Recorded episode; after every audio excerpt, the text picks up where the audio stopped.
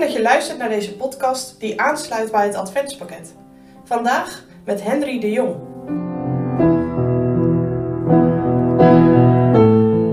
Een hemelse boodschap in een donkere nacht.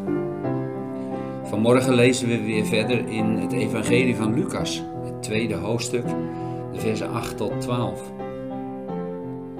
En er waren herders in diezelfde landstreek, zich houdende in het veld en hielden de nachtwacht over hun kudde. En ziet, een engel des Heren stond bij hen, en de heerlijkheid des Heren omscheen hen, en zij vreesden met grote vrezen.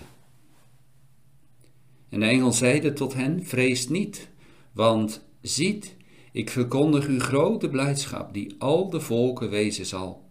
Namelijk dat u heden geboren is, de zaligmaker, welke is Christus de Heere, in de stad Davids. En dit zal u het teken zijn, gij zult het kinderke vinden in doeken gewonden en liggende in de kribben.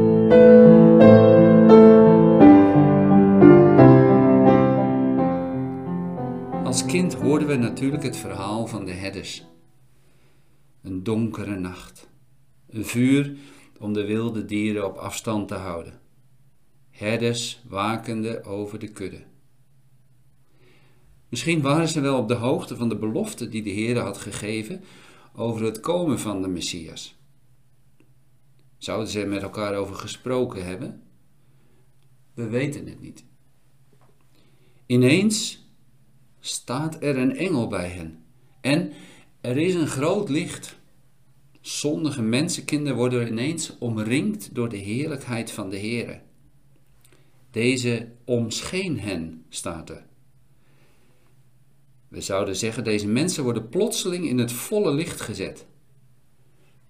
Met een zaklamp schijn je op iemand, maar als je omschenen wordt, dan sta je rondom in het licht het licht van de heerlijkheid van de Heere.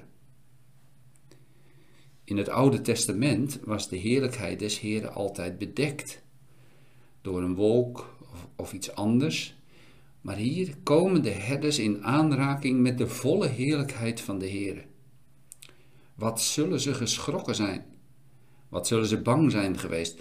Wat gebeurt er allemaal? Dat blijkt ook wel, want er staat dat ze vreesden met grote vrezen. Dat is niet oppervlakkig, maar dat gaat heel diep. Wat waren dat voor mensen, die herders? Gewone mensen, net zoals jij en ik.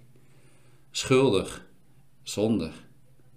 Als de Heer ons gaat opzoeken en in het volle licht gaat zetten, dan gebeurt er wat met je. Net als bij die herders. We gaan zien en ervaren hoe groot de kloof is tussen de Heere en jezelf. Wie kan tegenover de heiligheid van God overeind blijven staan? De Heere zegt tot Mozes: U zal mij niet kunnen zien, want mij zal geen mens zien en leven. Maar hier worden de herders in het volle licht geplaatst en sterven ze niet. Hoe kan dat? Dat kan omdat de Heer Jezus geboren is. Hij is het licht der wereld en is gekomen om licht te brengen in de duisternis. Zeg, heeft dat licht al in jouw hart geschenen? In het licht staat een engel. Hij begint direct de herders aan te spreken dat ze niet bang hoeven te zijn. Luister, zegt de engel, ik breng jullie een zeer grote, blijde boodschap. Een boodschap die voor de hele wereld geldt. Vandaag is in de stad van David de lang beloofde Messias, de redder, de zaligmaker geboren. Wat een heerlijke boodschap. Nu gaat de Heere zijn volk naar zijn belofte verlossen van de zonde. Dat was toen de boodschap. Dat is vandaag nog de boodschap. En dat zal zolang de aarde bestaat de boodschap blijven. Er is verlossing. Er is redding. Springt jouw hart daar ook op van vreugde? De beloofde Messias is gekomen en de herders mogen er als eerste van horen. Dat is niet toevallig. De Heere leidt immers alle dingen. Op deze wijze wordt geschiedenis geschreven. De engel geeft de herders ook een bewijs, een teken, eigenlijk twee. Namelijk, als je het kindje gaat zoeken, dan vind je het in doeken en in een kribbe. We lezen helemaal niet dat de engel zegt: ga maar gauw zoeken of kijken. Nee, het is alsof hij ervan uitgaat dat de herders op weg zullen gaan om de Heer Jezus te gaan vinden. En hij helpt ze daarbij met een teken. De herders hebben het woord van de engel verstaan en ze zullen op weg gaan om het geboren kind te gaan zoeken.